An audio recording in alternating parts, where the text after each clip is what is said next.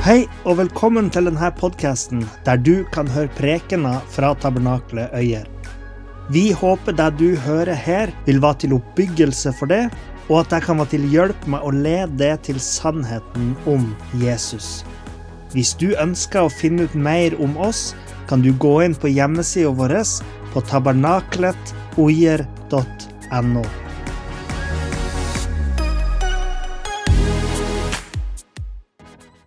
Vi har jo en serie nå som handler om de ti bud. Og tingen er at hadde det ikke vært for Jesus, så hadde ikke jeg stått her i dag og forkynt om de ti bud. Hadde det ikke vært for Jesus, så hadde jeg på en måte ikke hatt hjerte da, til å stå her og fortelle folk hvordan de bør leve livene sine. Fordi jeg hadde visst at jeg er en synder, en uforbedrelig synder, som på en måte ikke har noen håp om å komme til himmelen. Fordi jeg hadde visst at jeg er en lovbryter, akkurat sånn som det. Og uten nåden så er det ingen som kan tilgi oss for de syndene vi har gjort, og det er ingen som går foran oss for å hjelpe oss til å leve et bedre liv der vi går. Men det er der Jesus kommer inn i bildet.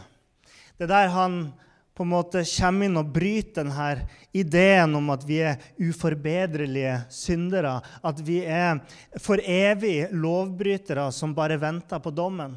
Men det er der Jesus kommer inn vet dere, og sier at de som tror på han, kan få tilgivelse. Det er fordi at Jesus han bar verdens synd. Han tok på seg straffen for hvert enkelt menneskes synd. Og Det betyr at ingen mennesker som setter sin tiltro til Jesus, skal trenge å komme framfor Gud med byrden av sine synder og si dømme for alle de her tingene. Men Jesus løfter av denne byrden og lar et menneske komme rein framfor Gud og si på grunn av det Jesus gjorde, så kan jeg komme inn. Han er vår himmelbillett. Og Jesus han gikk imellom meg og Gud og på en måte tok straffen som jeg skulle ha hatt, på seg, sånn at jeg kan bli tilgitt, og min synd kan bli glemt. Og det samme er sant for det. Dine synder, dine lovbrudd, kan bli tilgitt pga. det Jesus har gjort. Så det å vite at vi kan få nåde for våre synder, full tilgivelse for hver enkelt lovbrudd, gjør at jeg kan stå her og snakke om å holde Guds bud med en sånn glede fra innsida som jeg ikke kunne ha gjort hvis det ikke var for Jesus. Det kunne jeg ikke ha gjort hvis jeg trodde at framtida vår var håpløs. Noen hadde kommet til å gjort det, men ikke meg. Jeg gjør det fordi jeg vet hvem Jesus er, og den styrken han kan gi oss. Men samtidig så sier Bibelen til oss som har blitt tilgitt for våre synder, sånne ting som i Efeserbrevet kapittel 4, vers 28. Den som stjal, skal ikke stjele lenger. Så sjøl om Gud viser oss nåde når vi stoler på Jesus, så er det ikke sånn at Guds nåde er et frikort til å gjøre akkurat hva vi vil. Fordi det å komme til Jesus er jo ikke bare å bli tilgitt for alle de tingene vi har gjort før. Eh, men det er å få et helt nytt liv. Og Derfor kan jeg snakke om denne gleden fra innsida når jeg snakker om budene. Fordi at jeg er fri fra på en måte lovens byrde, liksom. Jeg er fri fra dommen. Men jeg kjenner samtidig at det er godt å komme dit eh, til Guds ord og lese om Guds vilje. Og det er godt å ha noe å strekke seg etter som en troende i Kristus. Hos Jesus så får vi et nytt og rent hjerte. Vi får en ny samvittighet. Og da kjenner vi at det er godt når Gud taler til vår samvittighet.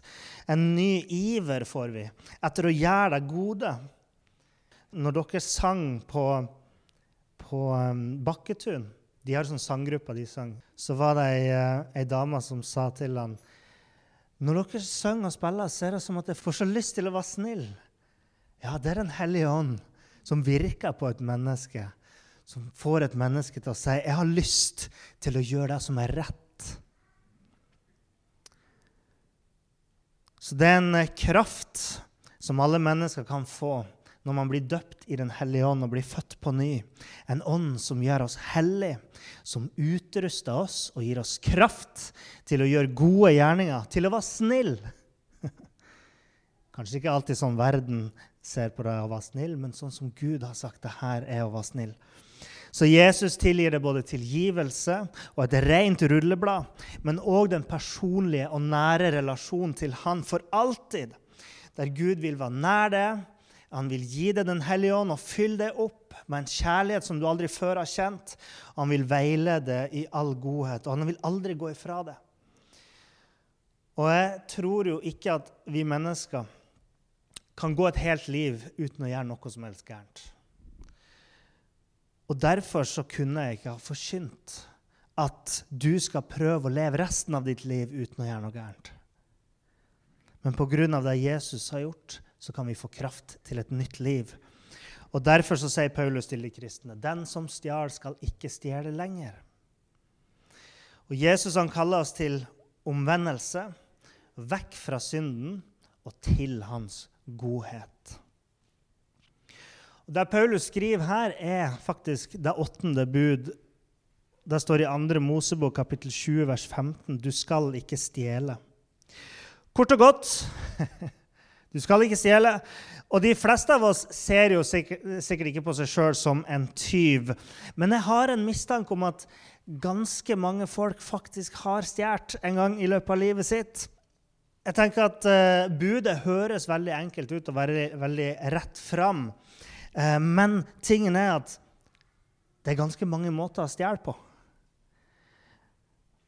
Så jeg vil at dere tar et lite minutt nå så skal vi ha eksamen etterpå. Tenk på forskjellige måter å stjele på. Dere kan snakke sammen med hverandre, eller dere kan bare tenke. Og så vil jeg gjerne høre hvis det er noen sånne forslag på ting som er et, eksempel på å stjele. Da er det sikkert noen som har tenkt på mange ting de har stjålet. er det noen som har noe eksempel utover kanskje det å stjele lommeboka til noen? liksom? Noen som kommer på noen ting? Ja? Det er helt sant! Jeg tenkte å ta det med i preken i dag, men jeg gjorde ikke det. Men da, da hadde det, det var en ledelse i det der, altså. Tidstyv. Helt riktig. Se på dette bildet som vi får opp her nå. Hva er det som skjer på det bildet her? En kjøpmann og ei, eh, en kunde, som ei, eh, det som ser ut som et slakteri. Hun skal kjøpe litt kjøtt fra han slakteren. Hva er det de gjør med den vekta? De har ei vekt imellom seg. De ser jo forholdsvis blide ut, begge to. Men da er det altså sånn at kjøpmannen dytter vekta ned for at det skal bli tyngre, og kunden dytter vekta opp. Hva er det de gjør for noen ting? De stjeler fra hverandre. Prøver i hvert fall. Kanskje det utligner seg akkurat. Svindel, juks, uærlighet i kjøp og salg det er former for tyveri. Ta neste eksempel. Når man selger en bil, som sikkert flere av dere har gjort, så er det lett å prøve å dekke over liksom, feil og mangler. Um, hvis du tenker at du skulle ha solgt bilen din til f.eks. et familiemedlem, så hadde du kanskje sagt mange flere ting enn hvis du hadde solgt den til en forhandler. ikke sant? Og det som er på dette bildet her, er jo en bil som har blitt solgt uh, til uh, en stakkars kjøper som trodde at det var en fin bil han kjøpte. Men der dere ser på bildene her, er kanalen under bilen, som liksom bærende konstruksjon i bilen, som var veldig mye rust på. Uh, og da når han hadde den på verksted, så avdekka de at uh, veldig mye av de her kanalene var rusta vekk. Og han som eide den før, hadde fiksa den med myggnetting og byggskum. Og lakka over. Dette er i Norge, og det er en sann historie. Eh, så dette er òg et eksempel på, på å stjele fra noen. Et eksempel til. Denne personen er Martin Skreli. Og I 2015 eh, jeg tror i hvert fall det var det året han kjøpte et firma som i praksis hadde monopol på å lage en spesiell type medisin som man bruker mot bl.a. aids, og som derfor er veldig nødvendig for mennesker som bor i Afrika. Og da han tok over det her firmaet, så gjorde han noe drastisk. Da, siden han hadde monopol, så kunne han da sette opp prisen fra ca. 140 kroner per pille til 7500 kroner per pille. Og noen vil jo kanskje si, de som er ekstremt opptatt av liksom, eh, kapitalisme, og sånt, de vil si ja, ja, men det har de jo full rett til. men de fleste av oss kanskje kjenner på en slags avsky mot å gjøre noe sånt. Og det var jo responsen fra folk flest. Eh, for i mange sine øyne så er jo det å det han gjorde, er å misbruke mulighetene som et kapitalistisk system gir mulighetene til. ikke sant? Og han tar rett og slett overbetalt for det han, det han selger. Og det òg er å stjele fra mennesker. Hvis du er deres eneste håp, og du sier ja, jeg skal ha en milliard for å redde livet ditt, vel, da tar du overbetalt. Og fra 2015 til 2022 så satt han i fengsel for svindel. Eh, vel å merke en annen sak enn det her. Både svindel, juks, ta overbetalt Dette er måter å stjele på. Fordi det å stjele er jo å urettmessig ta noe fra noen som tilhører den andre, eller å legge beslag på noen ting som man ikke har rett på. Eh, men det kan òg være det å lure noen, og eh, bedra og juks og svindelse til noen ting. Så man kan til og med si at i noen, noen tilfeller så kan det være gærent å stjele en annen person sitt hjerte. Og det er jo rart, fordi vanligvis så mener vi jo det på en positiv og romantisk måte. Han stjal mitt hjerte. Ikke sant? Eh, men hvis du gjør det med ei ond hensikt, der du manipulerer en person på en sånn måte at du, eh, at du lurer dem til å hengi seg til din sak eller til det eh, på falske premiss, så kan til og med det være en form for stjeling. Og i utvida betydning så kan det å stjele en annen person sitt hjerte være å ødelegge en person psykisk, f.eks. Bryte ned deres sjølbilde, fylle deres hjerte med frykt, ta fra dem alt håp, led deres hjerter vekk fra Gud. Ta fra de sannheten og fyll dem med løgn. Led dem til å gjøre ondt i stedet for godt. Det er måter man kan stjele et menneskes hjerte på. Og det er en historie om å stjele mennesker sitt hjerte i Bibelen. Uh, og vi skal til Samuelsboka, andre Samuelsbok, kapittel 15. Der står det om kong David som hadde en sønn, Absalom som egentlig hadde lyst til å ha kongetronen for seg sjøl. Han ville frarøve David tronen og bli konge. Og han gikk fram på den måten at han manipulerte folket for å få de over på si side. Og sette de opp imot Israels rettmessige konge, som var David. Og Det står i 2. Samuels bok kapittel 15 fra vers 2. Absalom pleide å stå tidlig opp og stå ved siden av veien til porten, liksom byporten der alle kom inn til byen. Slik skjedde det hver gang noen som hadde et tvistemål, kom til kongen for å få dom i saken. Så kalte Absalom på ham og sa, 'Hvilken by kommer du fra?' Og han kunne si, 'Tjeneren din er fra den stammen i Israel.' Da pleide Absalom å si til ham, 'Se, din sak er god og rett.' Men hos kongen finnes det ingen tjenestemann som vil høre på deg. Videre pleide Absalom å si, jeg skulle ønske jeg ble satt til dommer i landet. Da kunne alle som hadde tvistemål eller en sak, komme til meg, og jeg skulle gi ham en rettferdig dom. Slik skjedde det at hver gang det var noen som nærmet seg og falt på kne for ham, så rakk han ut hånden, grep tak i ham og kysset ham.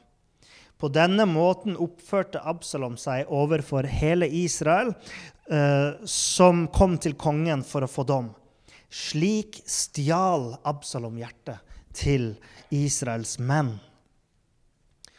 Og Til slutt så hadde Absalom stjålet nok hjerter, som vi kan lese om eh, eh videre i kapittel 13. Der står det da kom det en budbærer til David og sa:" I sitt hjerte er hver mann i Israel med Absalom. David sa til alle tjenerne som var sammen med ham i Jerusalem:" Bryt opp og la oss flykte, ellers kommer vi oss ikke unna Absalom. Skynd dere og kom dere av gårde, ellers tar han oss raskt igjen og fører det onde over oss. Så slår han byen med sverdets egg. Tenk å oppleve noe sånt med sin egen sønn. Absalom sitt hjertetyveri var langt mindre romantisk enn det vi kanskje noen gang tenker med dette uttrykket. Fordi at dette var en form for svindel. Han lurte folk, manipulerte de, som vi leser om her, til å, å, å støtte han. Og Vi har jo sett eksempel på eksempel på dette opp gjennom historien. Eh, og Et veldig kjent eksempel er jo det som skjedde i Tyskland på 30-tallet. Der Adolf Hitler manipulerte folk til å støtte han. Fikk i hvert fall nok støtte i folket til å komme til makta. Men da folk innså hva de hadde gjort, hvordan deres hjerte hadde blitt stjålet og misbrukt, så var det for seint. Og enda verre enn det å stjele en person sitt hjerte med ond hensikt, er å stjele et menneske. I 1. Timoteus kapittel 1, vers 9 og 11 så skriver Paulus om menneskehandel. Han sier da loven er ikke bestemt for den rettferdige, men for lovløse og ulydige for ugudelige og syndere, for de vanhellige og verdslige, for dem som dreper sine fedre og dem som dreper sine mødre, for manndrapere, for horkarer, for menn som har seksuell omgang med menn, for folk som driver med menneskehandel, og løgnere, for dem som sverger falskt, og alt annet som er imot den sunne lære, etter den velsignede Guds herlighetsevangelium, det som ble betrodd meg. Så menneskehandel var også forbudt i Bibelen, eh, i Det nye testamentet. Ikke at akkurat det er så utbredt her i Øyer, men jeg tar det fram fordi det er veldig utbredt i verden. Overalt i verden kan du finne det. Du kan sikkert eh, reise til Oslo og, og, og, finne mange personer der som er et offer for det her. Men hva hvis jeg ikke stjeler akkurat det, men jeg stjeler navnet ditt? Jeg tar pengeboka di med bankkortet ditt. Jeg drar hjem i eh, det bombesikre pengeskapet ditt og stjeler passet ditt. Og tar eh, kontoene dine på Internett.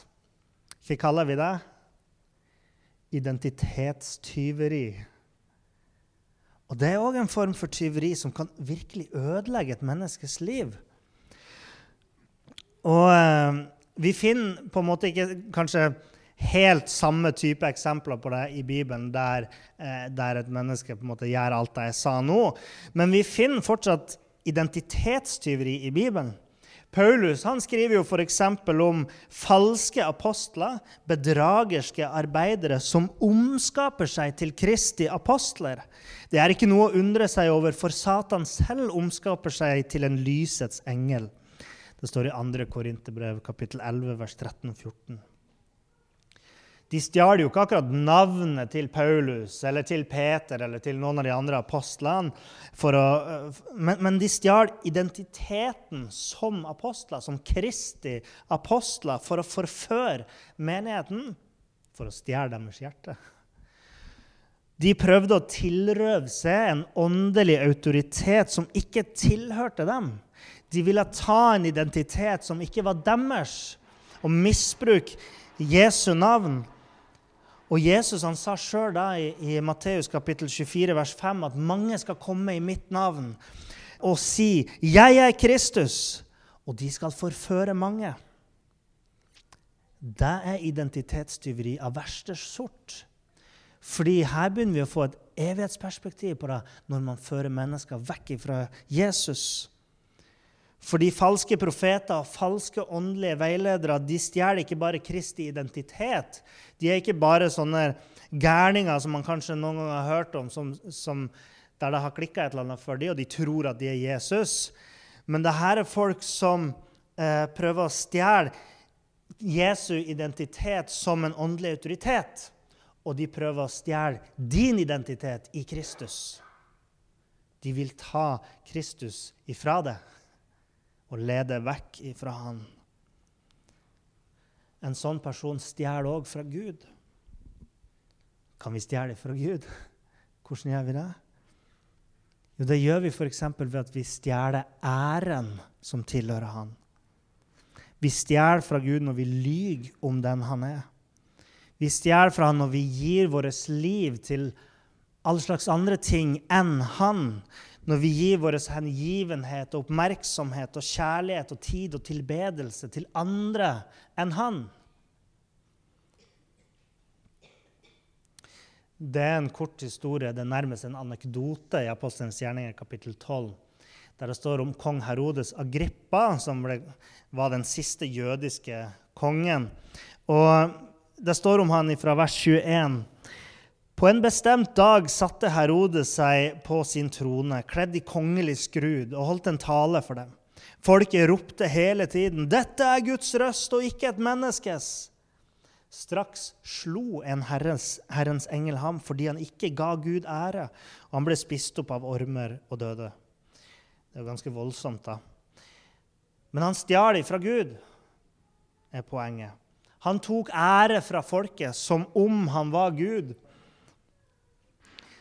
Og En eh, amerikansk forkynner og forfatter, en kristen eh, predikant, han, eh, som heter Frank Turek, han har skrevet en bok som heter 'Stealing from God', eller 'Stjeler fra Gud', som handler om hvordan ateister stjeler fra et kristent verdensbilde for å få sitt eget verdensbilde til å henge på greip. Og Det er en helt interessant greie, der, så du kan lese boka hvis du vil. Men tittelen på boka han stjeler fra Gud, er jo ment sånn litt for å skape oppmerksomhet. ikke sant? For da blir jo ateistene provosert. Vi har ikke stjålet noe fra Gud. ikke sant? Men det som er litt ironisk, er at de som forkaster Gud, som ikke tror på Han, de er fortsatt avhengige av så mye av det som Gud har gitt oss, som f.eks. vårt intellekt vår evne til å tenke logisk, til å forstå verden, til å sanse ting rundt oss, som har gitt oss et følelsesregister eh, for å oppleve eh, relasjonene til hverandre. Etikk og moral er ting som de tar ifra et kristent verdensbilde. Og Paulus han skriver noe lignende i Romerbrevet kapittel 1, vers 21-25. For selv om de kjente Gud, æret de ham ikke som Gud, eller takket, men ble tomme i sine tanker, og deres dåraktige hjerter ble formørket. Mens de gjorde krav på å være vise, ble de bare dåraktige.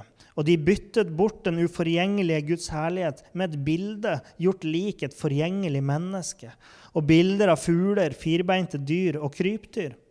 Derfor overga Gud dem også i deres hjerters lyster til urenhet, så de vanærer sine kropper seg imellom. De byttet ut Guds sannhet med løgn og tilba og tjente skapningen i stedet for skaperen, han som er lovprist i all evighet. Å tilbe skapningen i stedet for skaperen, hva enn det er man setter i stedet for Gud, i hans sted, er å stjele fra Gud. Det er mange måter man kan stjele på. Man kan stjele et liv. Man kan drepe noen, med andre ord. Men det snakka jeg om tidligere i denne serien, så det skal jeg ikke snakke om nå. Man kan stjele ved å ødelegge ting som tilhører andre. Vandalisme og hærverk er en form for tyveri. Selv om den som utfører hærverk og vandalisme, han setter jo ikke igjen med noe sjøl. Men han har påført økonomisk tap på den personen han gjorde det imot.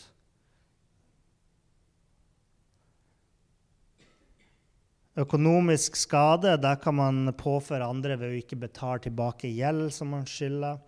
Man kan gjøre det ved å laste ned musikk ulovlig, selv om det er ingen som gjør det lenger. Eh, eller man kan liksom velge å ikke gi tilbake ting som man har lånt. Og apropos det. Eh, kunne jeg fått hjelp fra det, Bjarne, og det, Truls? Et lite øyeblikk, bare. Kom, kom fram her.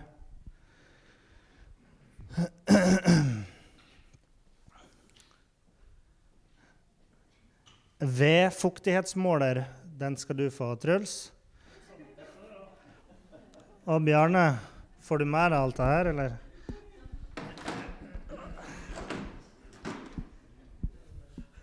Tusen hjertelig. Jeg visste ikke at de hadde lånt bort så mye heller. Nei, jeg tar med den der. De der har jeg hatt i flere år. Jeg har ikke hatt den der så lenge. Men tingen er at Truls og Bjarne har stjålet oppbevaringsplass hos meg i årevis. Men jeg tilgir dere. Vær så god, sitt.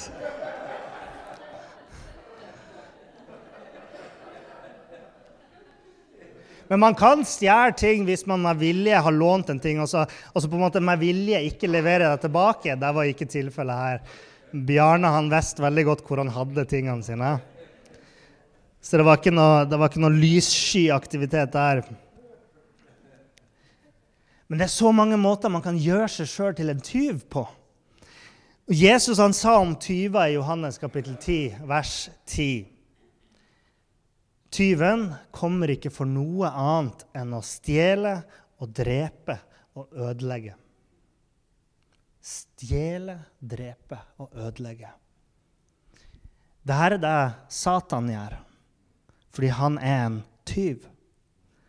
Han ønsker å stjele våre hjerter, drepe oss mennesker, ta fra oss muligheten til evig liv og ødelegge alt det gode som Gud har skapt. Og han ønsker å få oss til å gjøre det samme i denne prosessen og gjøre oss til tyver, sånn som han. Men Jesus sa det i Johannes 10,10. 10. Tyven kommer ikke for noe annet enn å stjele, drepe og ødelegge. Jeg er kommet for at de skal ha liv, og det er i overflod. Djevelen er som ulven som kommer for å drepe sauene. Men Jesus er den gode hyrde som vil stå i veien for han og redde vårt liv og bevare oss.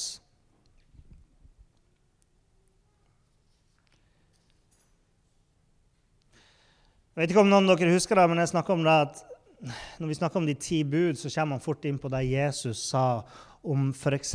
at hvis du hater noen i ditt hjerte så har du allerede begått mord i hjertet ditt.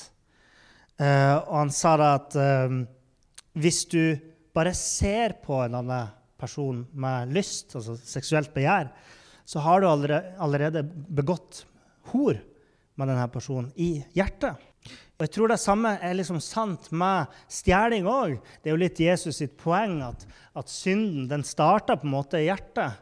Du har egentlig synda allerede før synden kommer ut i fingertuppene dine og utfører synden. ikke sant? Um, og jeg tenker at når vi snakker om stjeling, kanskje vi kan si noe sånt at, at den, den, kommer fra grådighet. I hvert fall veldig ofte. Uh, de fleste som stjeler, de gjør det ut ifra grådighet. Det er der det begynner, liksom. Uh, og de fleste stjeler ikke ut ifra desperat nød. Det er klart det har jo historisk sett vært vanlig blant kristne å gjøre et slags unntak for de som holder på å dø av sult, eh, som stjeler et eple fra fruktboden liksom, for å overleve en dag til. Eh, Sjøl om man mener at det han gjør, er gærent, så, så liksom har man hatt litt annen holdning til det. Men vanligvis så stjeler man fordi at grådighet har slått rot i hjertet og spredd seg ut til fingrene, sant? ut i praksis. Og Klart Stjeling kan komme fra misunnelse, det kan komme fra hat eh, og andre ting, men oftest er det grådighet. Og det motsatte av å være grådig, det er å være sjenerøs, givende. Og En pastor som heter R. Kent Hughes, han skrev så bra. Jeg har et sitat her. Han sa hver gang jeg gir, erklærer jeg at, jeg ikke, at penger ikke kontrollerer meg. Vedvarende sjenerøsitet er en vedvarende avgudifisering av penger. Altså Han avguddommeliggjør pengene ved at han hele tida viser at i Kristus har han makt over pengene. Er ikke det sånn godt sagt? Og Sånn har jeg noen ganger opplevd òg at liksom Når jeg har i tilfeller der jeg på en måte har valgt måtehold i stedet for å kjøpe den dyre tingen som jeg har lyst på, så får du en sånn indre glede, nærmest. Du får en sånn slags seier fordi du vant over grådigheten. ikke sant? Det er sånne små seier i livet der vi liksom klarer å kvitte oss med makten som penger og, og ting har over oss. da. Eh, og veldig ofte så starter jo tyveri med et begjær etter penger, mer penger, slik at pengene nærmest blir en gud fordi de kontrollerer oss og styrer våre handlinger. Men akkurat som kjærlighet kan vinne over hat i hjertet, akkurat som sjølbeherskelse kan vinne over begjær og lyst, så kan sjenerøsitet vinne over grådighet. Og hvis man vil leve på en god måte, så handler det hele om å gi livet sitt til Jesus. Og ikke fall for fristelsen til å stjele, men i hvert sånn øyeblikk, i hver fristelse og prøvelse, å gi seg sjøl til Jesus og overgi seg.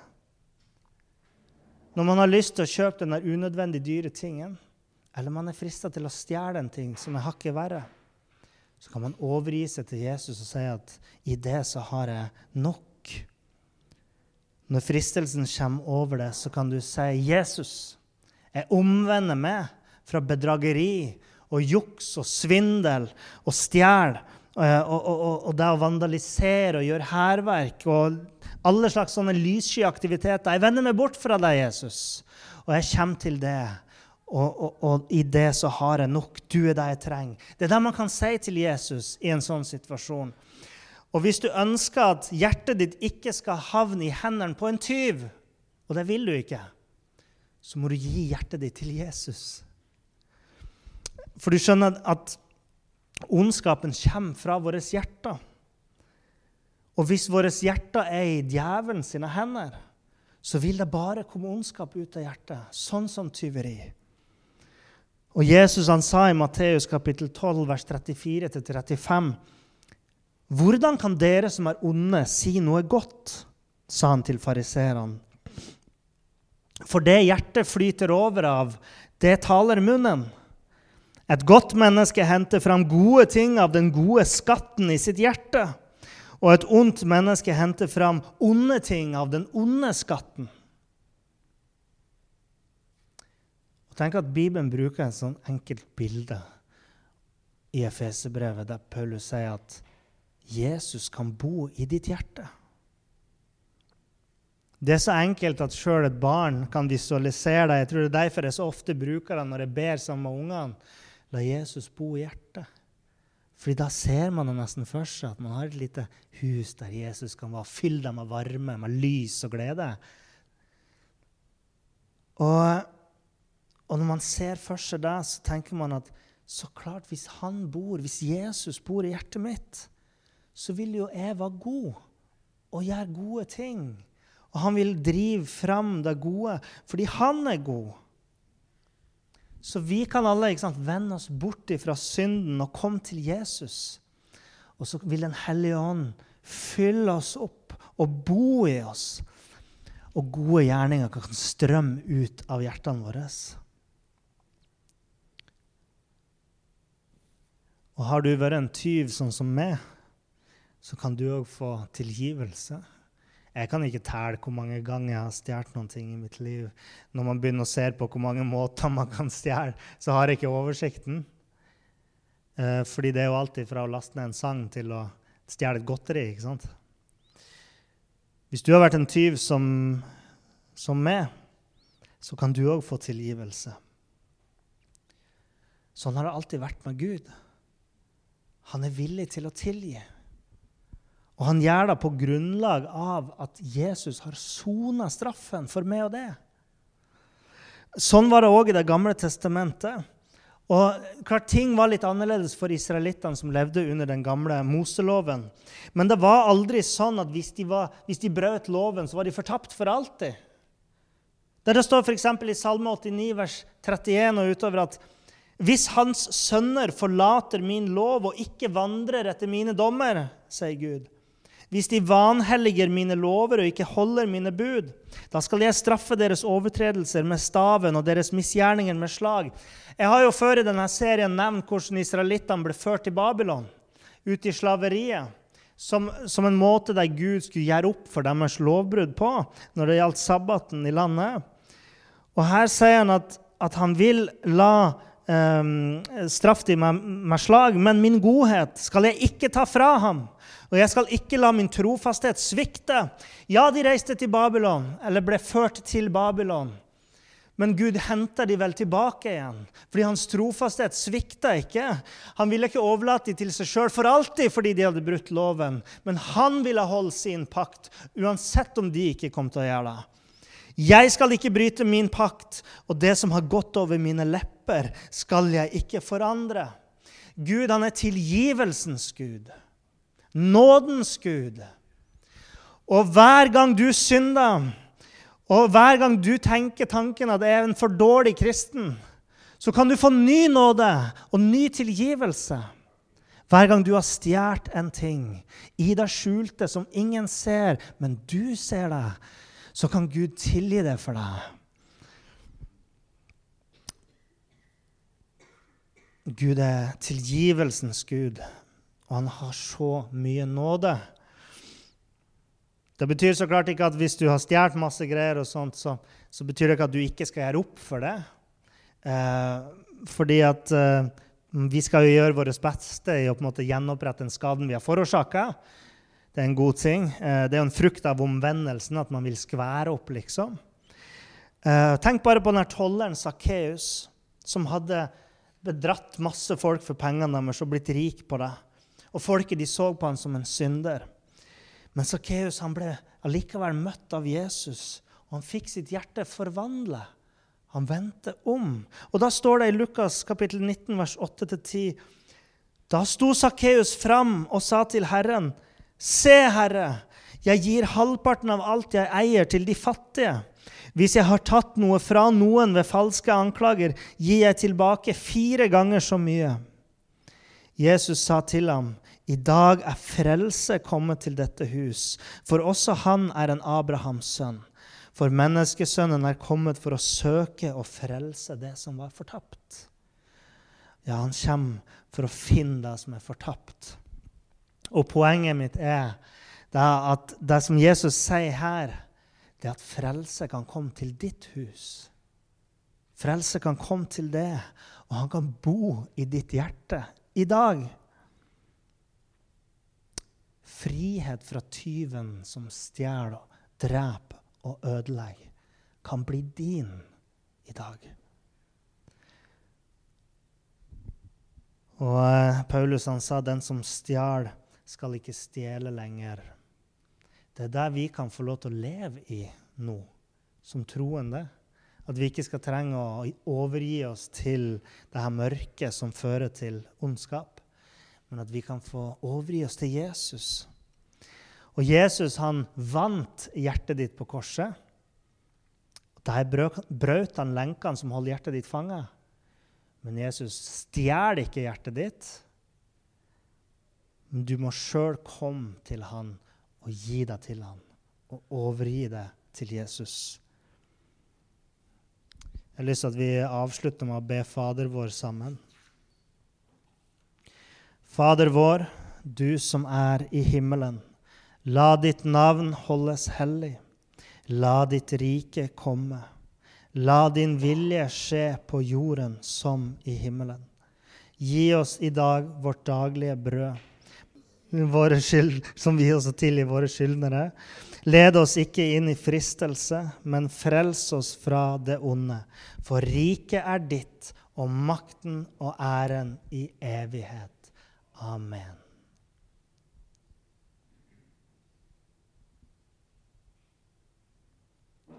De tingene jeg har snakka om i dag, fins jo i denne bønnen som vi ba sammen nå. Led oss ikke inn i fristelse, men frels oss fra det onde. Jeg snakker om å stjele fra Gud fordi riket, makten og æren tilhører Han i evighet. Takk, kjære Jesus, for uh, det som Jesus har gjort. Takk at du har kjøpt fri mitt hjerte, og at jeg kan få lov til å ha Den hellige ånd på innsida, som fyller med meg en glede over å gjøre det som er rett og leve etter det som er godt, din gode vilje. Herre Far, jeg ber for hver enkelt som er her i dag, om at du skal komme Den hellige ånd på ny, far. Du kan møte oss her i kveld. Vi kan få høre din stemme gjennom profetier her i dag, Herre. Men jeg ber òg for den, det livet som hver enkelt har foran seg. Å, kjære Gud, at du på ny kan styrke deres vilje til å gjøre deg gode. At de skal søke det og gi ære til det, Herre. Far, hjelp de som er nedtrykt, som kjenner at uh, samvittigheten deres tynges i dag når vi snakker om de her tingene. Minner som dukker opp fra fortida, Herre. Og må du helbrede tidligere synder med din tilgivelse og nåde og kjærlighet, Herre Far. For du er klar til å tilgi hver enkelt lovbrudd. Og vi takker deg for det. Amen. Takk for at du hørte på. Hvis du tok et steg i tro i dag, eller du har noe du ønsker forbønn for, så vil vi gjerne høre ifra det via e-postadressen kontaktalfakrølltabernakletoier.no. Du er òg velkommen til våre ukentlige gudstjenester i menighetslokalet i Haugskutua 5 26 36 Øyer.